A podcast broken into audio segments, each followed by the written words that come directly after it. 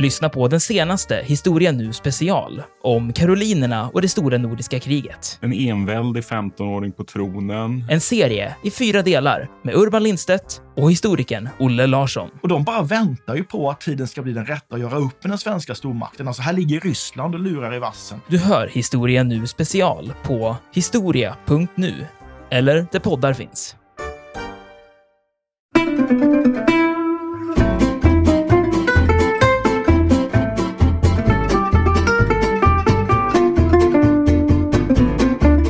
Israelerna viker ju inte en tum. De säger bara nej, vi förhandlar inte med terrorister. Punkt slut. Och som du säger, man får ju ändå förstå. Visst, tyskarna gör väldigt många fel här på ganska kort tid. Fel som får så fatala konsekvenser. Men det här är ju första gången man har utsatts för något liknande. Man vet helt enkelt inte hur man ska hantera det här. Som, så man försöker helt enkelt förhandla. Polischefen beger sig till Olympiabyn. Han träffar den här den vitklädde mannen med svärtat ansikte och, och upprepar. eh, Som bara säger att Nej, men vi har våra krav. Vi, så här, det är som gäller. Vi ska ut de här palestinska fångarna och eh, Bader och Meinhof ur de tyska fängelserna. Okej, säger de. Vi, vi, vi flyttar tidsfristen fram till klockan 12. Tre timmar till. Och det jag tycker är lite märkligt här då är att då fortsätter de olympiska spelen. Man bryter ju inte utan Japan spelar volleyboll mot Tyskland tror jag, mot Västtyskland. Och så rapporterar man växelvis från tävlingarna och från det här pågående gisslandraman som man inte riktigt vet vad det ska ta vägen då ju.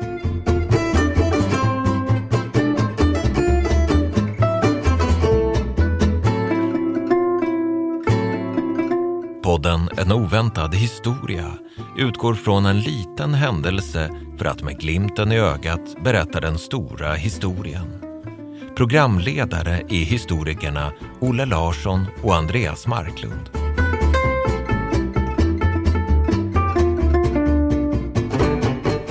Hallå Andreas! Tjenare. Hur är läget? Det är alldeles utmärkt faktiskt. Idag har jag tänkt att vi ska flytta oss eh, nästan på exakt faktiskt 50 år tillbaka i tiden. Vi ska flytta oss tillbaka till 70-talet och vi ska prata om de här terroristorganisationerna och de terrordåd som skakade världen under det här dramatiska decenniet. Men jag tänker då att vi särskilt ska uppehålla oss vid den här massaken som eh, den palestinska terrorgruppen Svarta September genomförde i samband med de olympiska spelen i München i september 1972. Och de här händelserna har ju också en viss koppling till den västtyska terrororganisationen Baader-Meinhof, som på något sätt har blivit själva sinnebilden, tror jag, för den västeuropeiska terrorismen under just detta decennium. Men Andreas, jag vet ju att du har en alldeles särskild relation till de här händelserna i München i början av september. Berätta. Ja, alltså jag vet ju att jag har en tendens att använda alldeles för mycket poddtid åt att prata om mina gamla födelsedagar. Men jag föddes faktiskt under OS i München. Två dagar före det här terrorattentatet inleddes faktiskt. Så min morsa låg faktiskt då på BB i, i Umeå och följde med i allt det här som vi ska prata om idag. Så jag missförstår mig nog rätt, men alltså jag, jag, alltså jag betraktar mig faktiskt lite grann som ett, ett barn av Svarta September. Alltså absolut inte ideologiskt, men rent kronologiskt så är jag ju det. Alltså Svarta September 1972. Det är jag. Så, så du och terrordåden är i princip då jämngamla kan vi säga? Det kan man nog säga, ja. Precis. Själv var jag ju knappt fem år då de här spelen äger rum och jag, jag har försökt tänka efter ibland, men jag tror inte att jag har några egna minnen ifrån dem. Eh, däremot så har jag ju sett senare minnesprogram och jag har sett inspelningar då på de här spelens höjdpunkter. Den finske löparen Lasse Wiréns två OS-guld till exempel.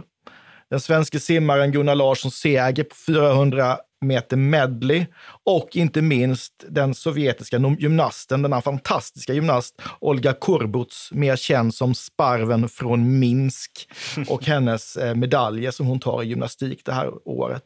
Och det var ju också här, och det vet vi ju nästan på alla svenskar vid det här laget, att det är här som kronprins Carl Gustav möter Silvia Renate Sommerlath för första gången. Och det var då det bara sa klick. Men jag tror nog att det som de flesta idag minns och tänker på när man säger München 1972, det är nog de här blodiga händelserna som inträffade den 5 september, mitt under de pågående spelen. Och Andreas, jag tänker att vi som vanligt ska börja med en stämningsbild för att, så att säga, leda in oss lite grann i, i det här ämnet. Och nu får du följa med mig till München. Mm. Klockan är fyra på morgonen och det är som sagt var den 5 september 1972 och vi befinner oss utanför den obevakade porten 25A i den mur som omgärdar Olympiabyn i München. Och här står en grupp amerikanska idrottare. De skulle inte vara här alls egentligen. De har varit ute på stan olovandes och druckit gott tyskt öl och är sannolikt en smula berusade och ska nu försöka ta sig in i lägret igen utan att väcka allt för mycket uppmärksamhet. Och här stöter de ihop med åtta män klädda i röda träningsoveraller och de bär också väskor i händerna.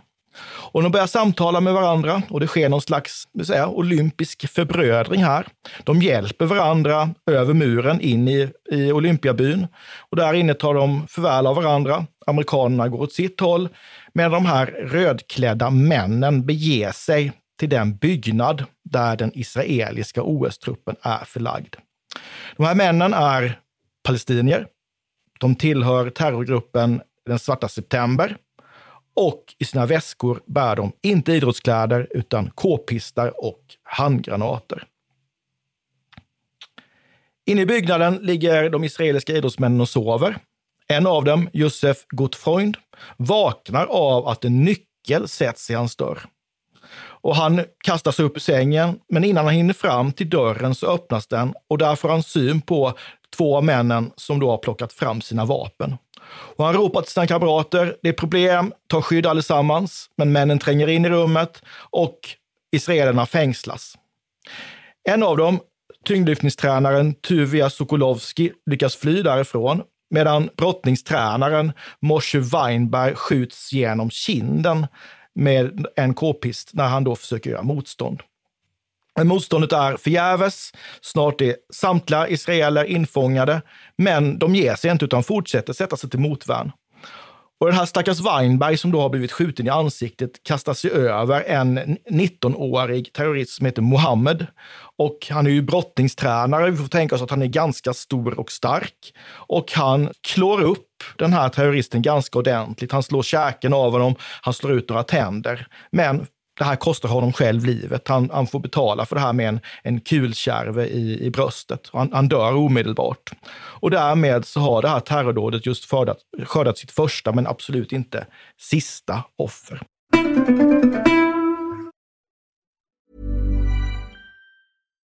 Here's a cool fact. A crocodile can't stick out its tongue. Another cool fact, you can get short-term health insurance for a month or just under a year in some states.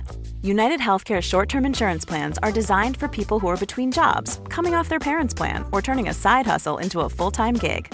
Underwritten by Golden Rule Insurance Company, they offer flexible, budget friendly coverage with access to a nationwide network of doctors and hospitals. Get more cool facts about United Healthcare short term plans at uh1.com. Quality sleep is essential. That's why the Sleep Number Smart Bed is designed for your ever evolving sleep needs. Need a bed that's firmer or softer on either side? helps you sleep at a comfortable temperature? Sleep Number smart beds let you individualize your comfort so you sleep better together. JD Power ranks Sleep Number number 1 in customer satisfaction with mattresses purchased in-store. And now, save 50% on the Sleep Number limited edition smart bed for a limited time. For JD Power 2023 award information, visit jdpower.com/awards. Only at a Sleep Number store or sleepnumber.com. I'm Sandra, and I'm just the professional your small business was looking for. But you didn't hire me because you didn't use LinkedIn jobs. LinkedIn has professionals you can't find anywhere else, including those who aren't actively looking for a new job but might be open to the perfect role, like me. In a given month, over 70% of LinkedIn users don't visit other leading job sites. So if you're not looking on LinkedIn, you'll miss out on great candidates like Sandra. Start hiring professionals like a professional. Post your free job on linkedin.com/people today.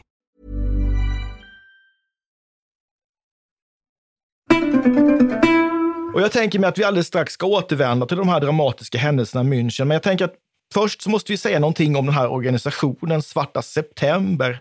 Andreas, vad var det här för organisation och vad var det de ville uppnå med den här aktionen? Ja, alltså det var väl en del av PLO, intressant. Åtminstone den här väpnade grenen, den, vad heter det, den militanta grenen säger man va? Alltså Den som heter PLFP, ja precis. Ja. Alltså jag tycker det här är jätte, jättekomplicerat. Alltså det, finns det något som heter PLO-logi, alltså lite grann som kremlologi. Alltså det är en väldigt komplicerad organisation. Det är svårt att säga exakt hur allting hänger ihop. Men alltså det ingick på något sätt i det här äh, nätverket där ju Yasser Arafat var någonstans i mitten och var en viktig figur. Men själva namnet då, Svarta september, kommer väl från ett inbördeskrig i Jordanien i september 1970 där eh, det var gamle kung Hussein, som jag själv då minns från min ungdom. Han inledde någon slags eh, utrensningsmanöver då mot eh, olika PLO-baser som hade fått växa fram då under hans beskydd under ett antal år. Men till sist så fick han nog. Och med hjälp av Israel och USA så ja, inledde han väpnade aktioner mot de här lägren och det blev ett väldigt blodigt inbördeskrig. Mycket, mycket blodigt. Och som du säger, han hade fått nog och anledningen till att han fått nog, det är ju helt enkelt under ganska många år så har ju Jordanien upplåtit eh, territorium åt PLO. De har alltså haft en fristad här där de har haft sina baser och från Jordanien kunnat göra räder in, bland annat i, på israeliskt territorium. Men under det här året 1970 så har de också genomfört en lång rad flygkapningar. Och det har oftast drabbat det israeliska flygbolaget El Al och det har påfallande ofta skett på flygningar riktade mot New York. Och det är ju det här som, som får bägaren att rinna över kan man säga. Så syftet med alla de här kapningarna har just varit att få Israel att släppa fri till fångatagna palestinier. Det är det man har velat uppnå. Men de här kapningarna då, som, det, det gör ju att nu får liksom den amerikanske presidenten, som då heter Richard Nixon, han får nog. Och tillsammans med Israel så bestämmer man sig för att nu är måttet rågat, nu ska PLO bort. Så den amerikanska sjätteflottan seglar ner till, till det här området. Och då, då blir kung Hussein nervös. Mm. Hjälp, kommer det bli ett storskaligt krig på min mark? Så han, han, så han bestämmer sig då att han, ja. precis, nu ska, nu ska palestinierna bort helt ja, enkelt. Ja, just det, ja. Och det man gör då, det är ju, han, han gör, ansluter sig till USA och framförallt till Israel och man bombar ju faktiskt mer eller mindre sönder de här palestinska baserna. Och sen i september då så genomförs en ma stor massaker och därav namnet Svarta september för att liksom högtidlighålla det här. Och det här blir ju då ett terrorkommando under ledning av en man som heter Ali Hassan Salame. Ja, just det. Alltså det går inte att komma ifrån att det, det är ett väldigt vackert namn. Ett, ett episkt Svarta september är ett jättefint. Ja. Det är mycket med det här svarta handen och ja. eh, svarta september. Ja. Och, alltså det, ligger, det finns en någon slags inneboende dramatik, får man väl säga, i, i de, här, de här namnen. Ja, exakt. Det, det, det finns en slags epik över det. Mörk, det mörk epik. Ja, men absolut. Det jag tycker är lite intressant här, det är ju att här har vi då en palestinsk terrorgrupp, Svarta handen, men det finns ju också kopplingar till de, de europeiska terroristerna här. Bland annat då till, till den västtyska Baader-Meinhof-ligan. Alltså hur såg de här kopplingarna ut? Eller om vi börjar så här, vilka var Baader-Meinhof och hur skapas de? Det är också en ganska komplicerad historia, men det började ju där på, på 60-talet, sena 60-talet i, alltså i Västtyskland. Det är två individer, två studenter, va? en Benno Ornesorg och en Rudi Dutschke, som, som blir mördade. Den ena av polis, den andra skjuts väl av någon slags eh, högerextremist. Va?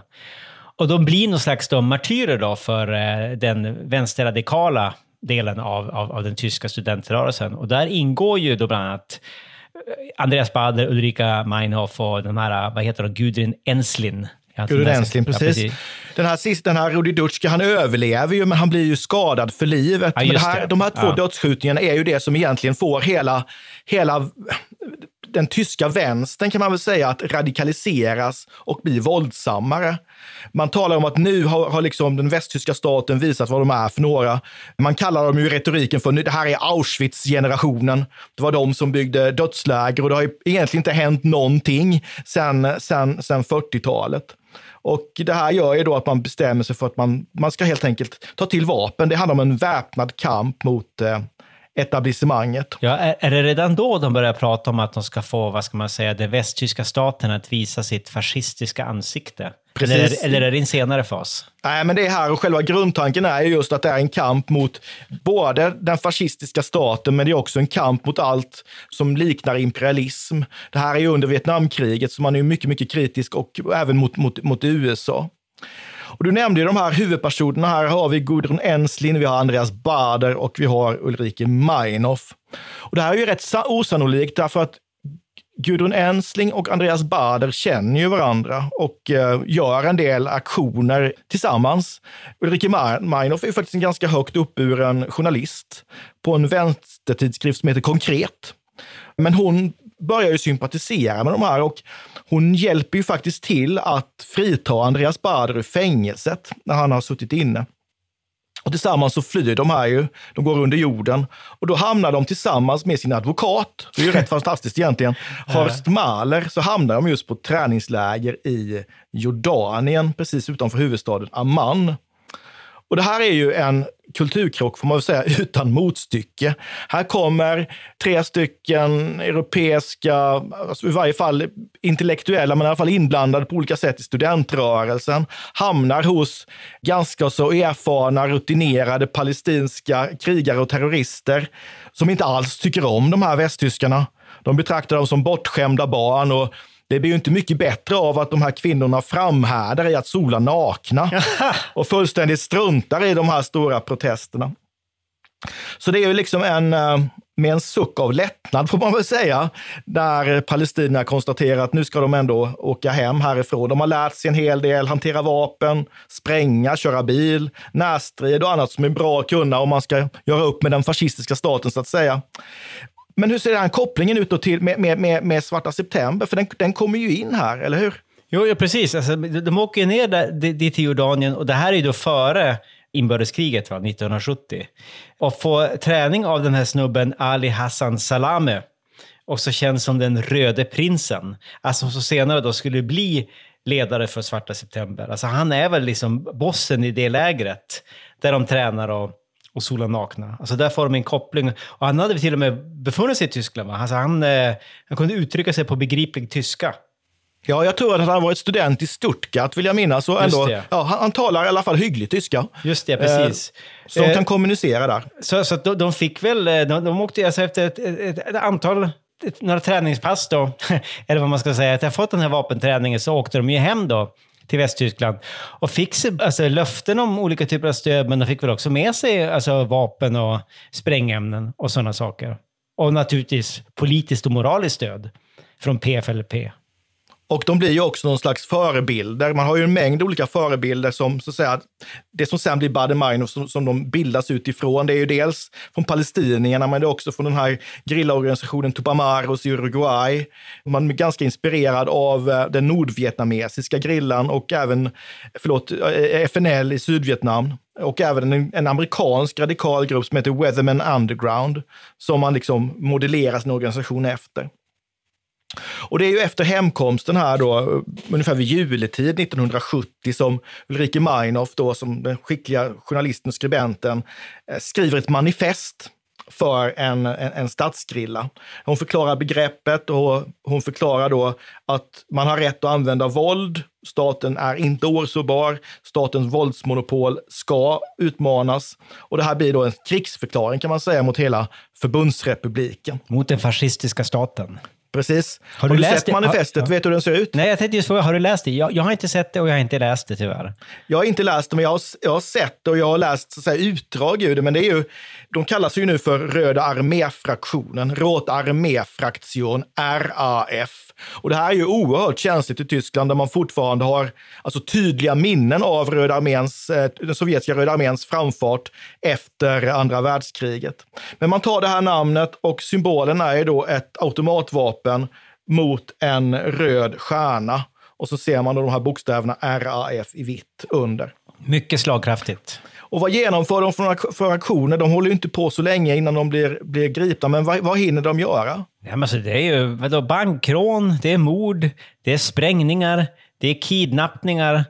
De, de, alltså, de går ju liksom, de, de går ju lite bärsärk där, men under en ganska kort fas. Alltså, Meinhof hamnar i fängelse, liksom Bader. Alltså hela det gänget fängslas väl egentligen då ganska kort tid innan OS i, i München. Alltså, Ja, lite- hela gänget fängslas ju och sitter alltså i fängsligt förvar när de olympiska spelen i München eh, inleds. Ja, precis, för de är ju en faktor under De är en faktor. Jag tänkte vi kunde, vi kunde återkomma till det. Ja, Därför att eh, när de här spelen invigs då den 26 augusti 1972 så kallas de här de kallas för spel, eh, fredens och glädjens spel. Och man har ju då tänkt att eh, nu ska vi visa att vi är någonting annat. Förra gången OS hölls i Tyskland så var det i Berlin 1936 i just den fascistiska, nazistiska staten.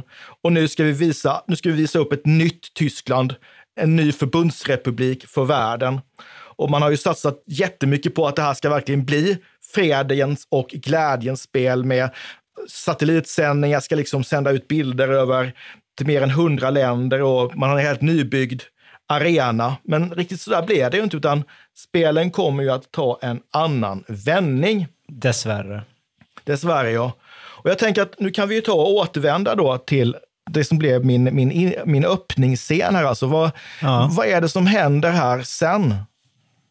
Ja, men det börjar ju då med att eh, alltså, e-, e- efter att liksom gisslandramat liksom har gått igång så väcks polischefen i München, Manfred Schreiber, vid femtiden på morgonen när telefonen ringer. Och då får han veta eh, vad som har hänt och beordrar att området kring då israelernas bostad ska spärras av. Och samtidigt skickar då terroristerna ut några lappar med, med krav från ett fönster. Och det här känns det som, det där fönstret, redan här börjar kännas som saker som jag, naturligtvis inte då, men som jag liksom har sett på tv, alltså i tv-dokumentärer och grejer. Jag tror att den här scenen finns med i den här fantastiska spelfilmen München faktiskt. Ja, det är kanske det jag tänker på. När man ser två stycken, eh, jag tror för mig att det är maskerade män som släpper ut eh, papperslappar genom fönstret. Och det är förmodligen med sanningen överensstämmande, därför att de här, på de här papperslapparna så framställer man ju sina krav.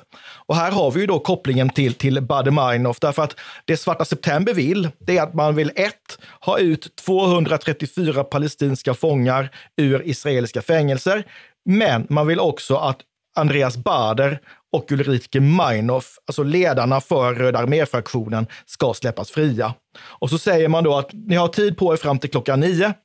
Därefter så kommer vi att avrätta en i gisslan varje timme. Och en kvart efter det att polisen har kommit hit, man har satt upp avspärrningar, så kommer en man ut. Han är också känd för de här bilderna. Han är också nästan på blivit ikonisk här. Han är klädd i ljusa kläder. det här har Förlåt? man ju sett på tv. Alltså, Ja, han är vitklädd, hatt, svärtat ansikte. Eh, han kallar sig Issa.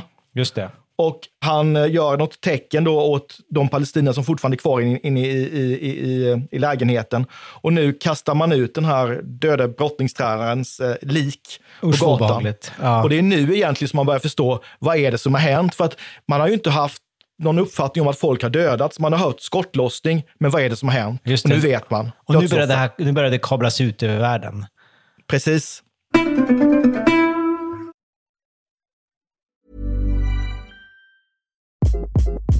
Hi, this is Craig Robinson from Ways to Win, and support for this podcast comes from Invesco QQQ. Invesco QQQ is proud to sponsor this episode and even prouder to provide access to innovation for the last 25 years. Basketball has had innovations over the years too. We're seeing the game played in new ways every day.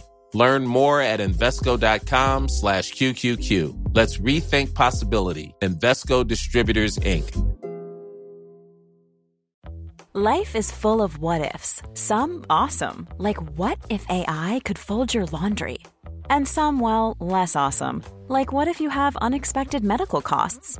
United Healthcare can help get you covered with Health Protector Guard fixed indemnity insurance plans. They supplement your primary plan to help you manage out of pocket costs. No deductibles, no enrollment periods, and especially no more what ifs. Visit uh1.com to find the Health Protector Guard plan for you.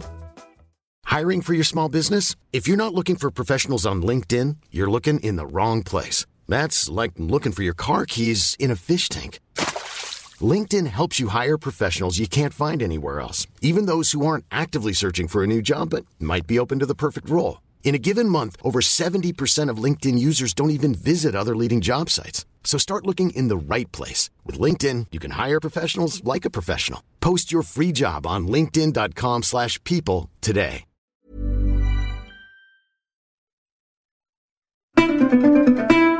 Hur hanterar tyskarna detta då? Vad är det man gör? Ja, men alltså, mitt intryck är att alltså, de, är lite o, de är lite oproffsiga. Ja, det får man ju säga, minst sagt. eh, och, alltså, de har ju bestämt sig lite grann eh, från första början för att det här ska vara ett alltså, väldigt soft alltihopa. Det här ska ju vara fredens spel. Så liksom eh, säkerhetsdetaljen är väl i största allmänhet ganska svag. Och eh, säkerhetstänket visade sig ju dessvärre under, under det här dramat är ju ganska bristfälligt. Men alltså, man bestämmer sig för att försöka förhandla med terroristerna. Man kommer tidigt i kontakt med den israeliska regeringen som ju tycker att man ska köra hårt mot hårt. De vill ju inte gå med på terroristernas krav. Men eh, tyskarna de skickar iväg en förhandlingsdelegation. De vill ju som sagt var försöka nå fram då en, till, till, till en smidig, fredlig, oblodig lösning på det här. Israelerna viker ju inte en tum. De säger bara nej, vi förhandlar inte med terrorister, punkt slut. Och som du säger, man får ju ändå förstå, visst, tyskarna gör väldigt många fel här på ganska kort tid. Fel som får alltså, fatala konsekvenser, men det här är ju första gången man har utsatts för något liknande. Man vet helt enkelt inte hur man ska hantera det här, som, så man försöker helt enkelt förhandla.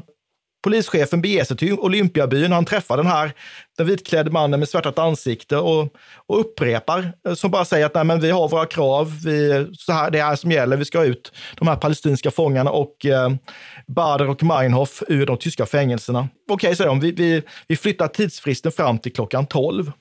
Tre timmar till. Och det jag tycker är lite märkligt här då är att då fortsätter de olympiska spelen. Man bryter ju inte, utan eh, Japan spelar volleyboll mot Tyskland, tror jag, mot Västtyskland. Och så rapporterar man växelvis från tävlingarna och från det här pågående gisslandraman som man inte riktigt vet vad det ska ta vägen. Då, Jo, precis. Men det där har jag hört av, av min väna mor. Alltså, liksom att det, det, det var väldigt bisarrt att följa med det där, för det var väldigt hastiga, vad ska man säga, scen, scenbyten, så att säga. Ja, men din mamma måste ju ha legat och tittat på det här. Ja, jo, på, på följde- det tycker jag är helt fantastiskt. Hon, hon följer med det här live.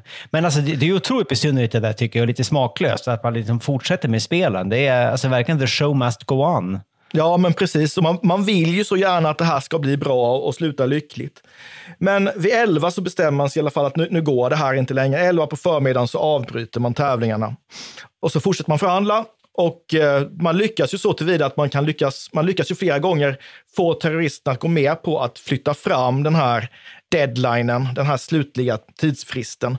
Och nu säger man nu, klockan 17 gäller, sen börjar vi döda eh, För än så gisslan. länge har de inte börjat döda gisslan. Vi har de där första dödsoffren, men resten av Ja, man gisslan lever. Man, har, man skjuter ju en till här på eftermiddagen som, som har försökt ta sig, ta sig loss. Ja, okej. Därför att man släpper ju in polisen i lägenheten och de får ju bara se hur det ser ut och då är det ytterligare en som har blivit skjuten där inne. Så då har vi två dödsoffer.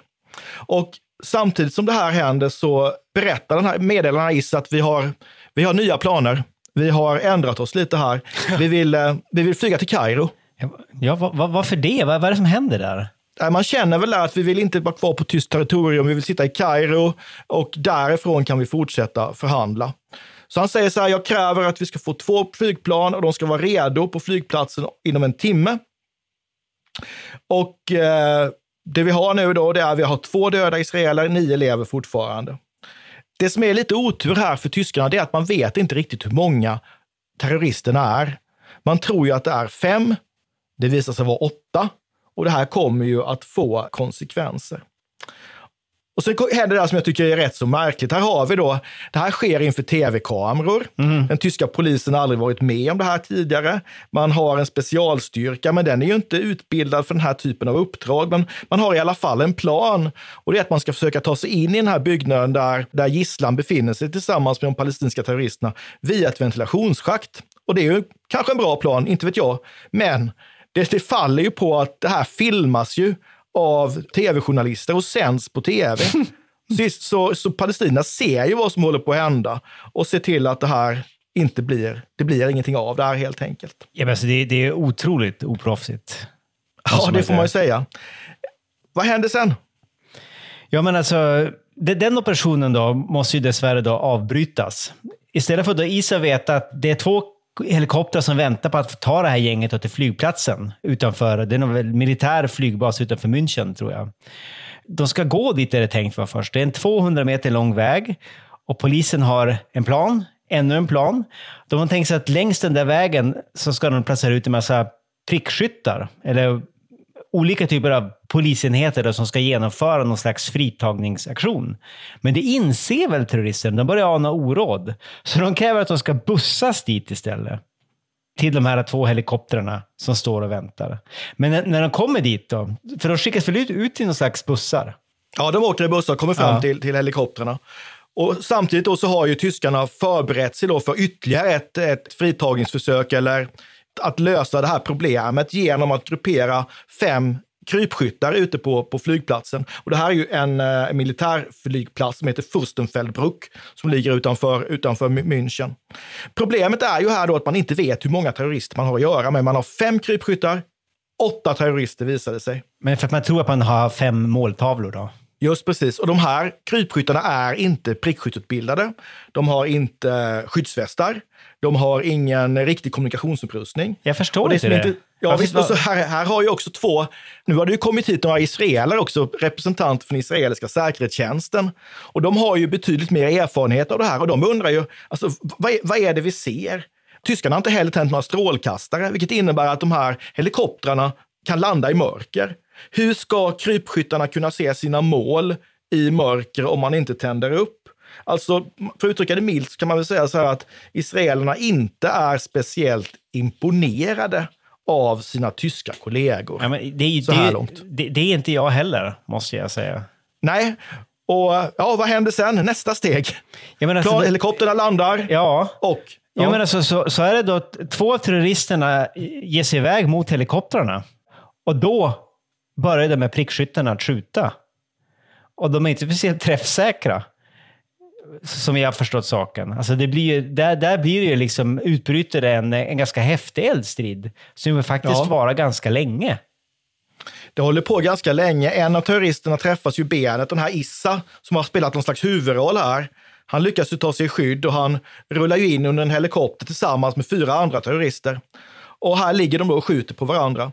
Och det som händer här som är lite otäckt faktiskt, är att det sprids ett rykte för att det har ju samlats mängder med människor utanför staketet. Man har ju någon slags, nästan på som en picknick där och det här är ju spännande och roligt att titta på.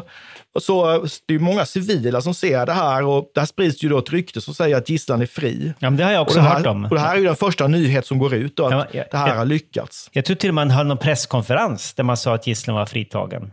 Precis, och Israels premiärminister Golda Meir har ju också fått den här uppgiften att det är över, det här har gått bra. Men det visar sig tyvärr att så inte är fallet, därför att nu skickar ju tyskarna in förstärkningar, bland annat i form av fyra stycken bepansrade fordon faktiskt. Och nu utbryter det panik, får man väl säga, bland terroristerna. Så vad händer? Vad är det? Nu, får, nu kommer vi in i den blodiga upplösningen. Ja, alltså det, det har redan varit ganska blodigt. Men alltså när de ser de här äh, pansarfordonen rulla in på flygplatsen så får de får ju panik naturligtvis. Jag tror en av dem reser sig och skjuter alltså de, de, de fyra gisslan som befinner sig på den ena helikoptern. Och så kastar den in en handgranat va? Alltså så Ja, är, det bägge, är, är, är det bägge helikoptrarna eller bara den ena som exploderar? Det är bara, jag tror bara det är den ena som exploderar. I den andra så, så skjuter man ju ihjäl de andra fem. Så Ja, man skjuter alltså- ju alltså död på, tar ju död på hela gisslan här. Ja, precis. Alltså, precis. Samtliga dör. Det är en Och det blir ju så, historia. så rena kalabaliken här. Polisen eh, öppnar ju massiv eld mot de här. Så här är det, fyra israeler dör ju här och några försöker fly. Men eh, man får ju tag på de här tre sista, för de befinner sig fortfarande inne på flygplatsområdet. Men som sagt var, det här slutar ju illa med både döda terrorister och framför allt då samtliga döda i den israeliska gisslan. Så det är ju mycket, mycket dramatiskt och mycket, Precis. mycket, mycket blodigt. Jag tror det är någon amerikansk journalist som säger “They're all gone” eller något sånt där. Alltså han står där liksom, han, får, han får in ett meddelande liksom i, i hörsnäckan. “They're all gone”. Det är så känt obehagligt. TV Ja, man, man hoppas ju in i det sista att det ska finnas någon levande kvar i gisslan, men när man kommer fram till helikopterna så möts man ju en förfärlig syn. Det är ju, den ena helikoptern är ju helt utbränd och den andra finns det bara döda människor kvar i. Och det är det dröjer ju fram till tre på morgonen då följande dag innan, Israels, innan Golda Meir, då Israels premiärminister, får veta vad det är som har hänt. Och hon, hon vägrar ju att tro på det först. Men jag har ju hört att, att allting gick bra. Nej, säger den som kontaktar henne, jag har en mycket dålig nyhet. Allting gick väldigt dåligt. Samtliga israeler är döda. Det är också strax efter tre på morgonen som Reuter går ut allmänt med den här mycket dåliga nyheten när man då säger eh, det är klockan 3.17 på morgonen att alla i den israeliska gisslan är döda. Och det här får ju konsekvenser. Ja, Andreas, vad händer, vad händer sportsligt? Hur hanterar man det här under, under spelen? Ja, men det är ju också rätt knasigt. Alltså, man återupptar ju de olympiska spelen. Alltså, ah, show must go on. Det kör ja, man har en sorgedag och ja. sen så, så fortsätter man igen. Precis. Men så får det ju konsekvenser för medlemmarna i Svarta september därför att israelerna finner sig ju inte i detta utan Golda Meir ger ju sin, eh, sin säkerhetstjänst order om att genomföra något som kallas för Operation Guds vrede. Och det innebär helt enkelt att man ska leta upp samtliga som har varit inblandade i det här dådet, samtliga i Svarta september, och faktiskt eh, skjuta dem, eller spränga dem, en efter en. Hur många var det egentligen? Hur många var det kvar? Jag vet inte riktigt, men den här jakten pågår ju i, i flera år. Ja, precis. Alltså, den här ledaren, vad heter han nu? Ali Hassan Salameh. Han dödas ju först 1979. Det är långt efteråt. Och honom spränger man ju till döds i, i, i Beirut, i, i, Libanon. Det är det där som den Spielberg-filmen handlar om. Den där fantastiska... Precis, och det är ju den här jakten på, på terroristerna. Wrath of God. Precis, Guds vrede. Precis. Men det får ju också konsekvenser för, för Västtyskland, därför att man har ju lärt sig nu, alltså insett att man måste lära sig hur man hanterar den här typen av, av situationer. Så nu skapar man ju den här eh, kända, har ju blivit en känd tysk antiterroriststyrka som heter Grenzschutzgruppe 9, eller mer känd som GSG 9 som, har blivit, som blir blir experter på den här typen av gisslanfritagningar. Och jag för mig, jag läste någonstans att de flesta länders special, alltså specialenheter inom polisen tränar ihop med GSG 9 för att de är idag världsledande på, mm. på, på, detta. Men du, får jag fråga dig en sak? Alltså, du är ju expert på tysk historia. Den här otroligt bristfälliga säkerheten kring OS handlade delvis om att man vill visa, visa fram ett nytt Tyskland. Alltså, det skulle inte vara uniformerad säkerhetspersonal. Alltså det kunde ju lätt ge en dålig smak i, i, i en tysk kontext. Det här var ju relativt kort efter andra världskriget, så det, det förstår jag. Men just det där att man skickar in då ett gäng krypskyttar som inte är utbildade och att man inte har utrustning. Handlar det lite grann om det här med pacificeringen av, av Tyskland efter andra världskriget? Att man ja. är liksom, liksom så himla långt efter på det där området.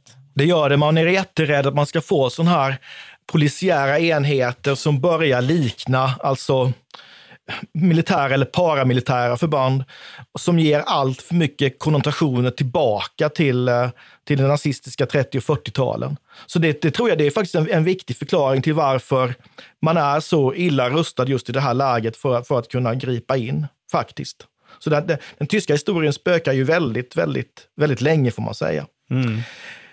Om man rundar av det här då, alltså man, det blir inga släppta eh, palestinska terrorister, det blir heller inga släppta Baader-Meinhof-terrorister, utan det görs ju flera försök att få ut de här. Vi har ju ambassadramat i Stockholm där man eh, också kräver att de här terroristerna ska släppas. Vi har en kidnappning av eh, Hans Martin Schleyer där man också använder för att sätta press på, på de tyska myndigheterna. Men de släpps ju inte, utan de dör ju faktiskt i fängelset. Ulrike Meinhof hänger sig, litas hängd i sin cell. 1977. Den 18 oktober tror jag det är, alltså samma natt, så dör Jan Karl Raspe, Gudrun Enstin och Andreas Bader. Männen har då skjutit sig och eh, Gudrun Enstin har hängt sig i, i, i, en sladd till en, till en högtalare. Och det här är ju inne i ett säkerhetsfängelse, alltså i, i Stamheimfängelset, som, eh, som är ett, ett högsäkerhetsfängelse får man säga. Och det har ju spekulerats mycket i, alltså vad var det som hände den här natten till den 18 oktober 77? Alltså, hur kunde detta hända? Hur fick de in vapen? Var det självmord eller var det förbundsrepubliken som valde att ta saken i egna händer? Vad tror du, Andreas? Vad hände den här natten?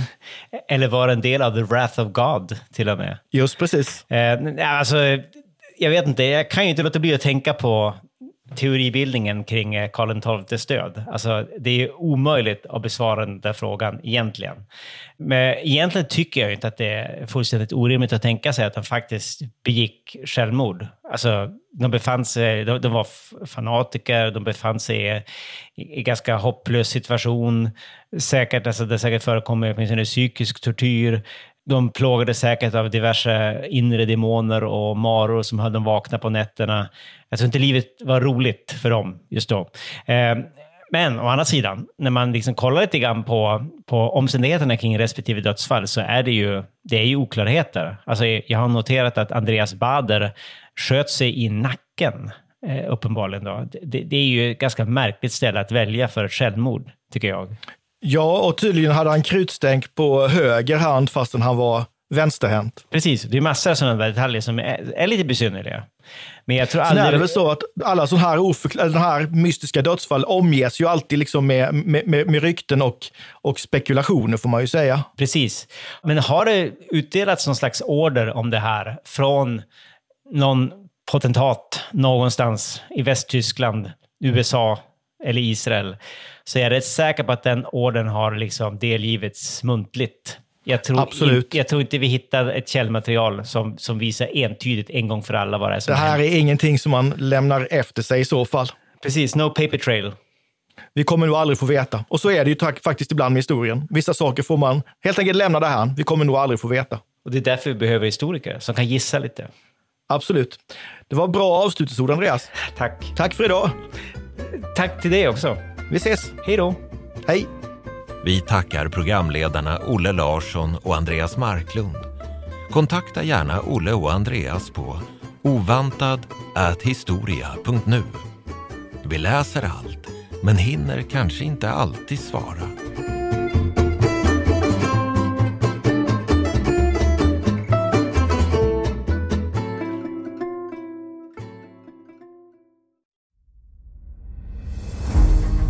Jakob de la Gardie är den enda svenska fältherre som lett en armé till Moskva och trätt fram inför tsaren.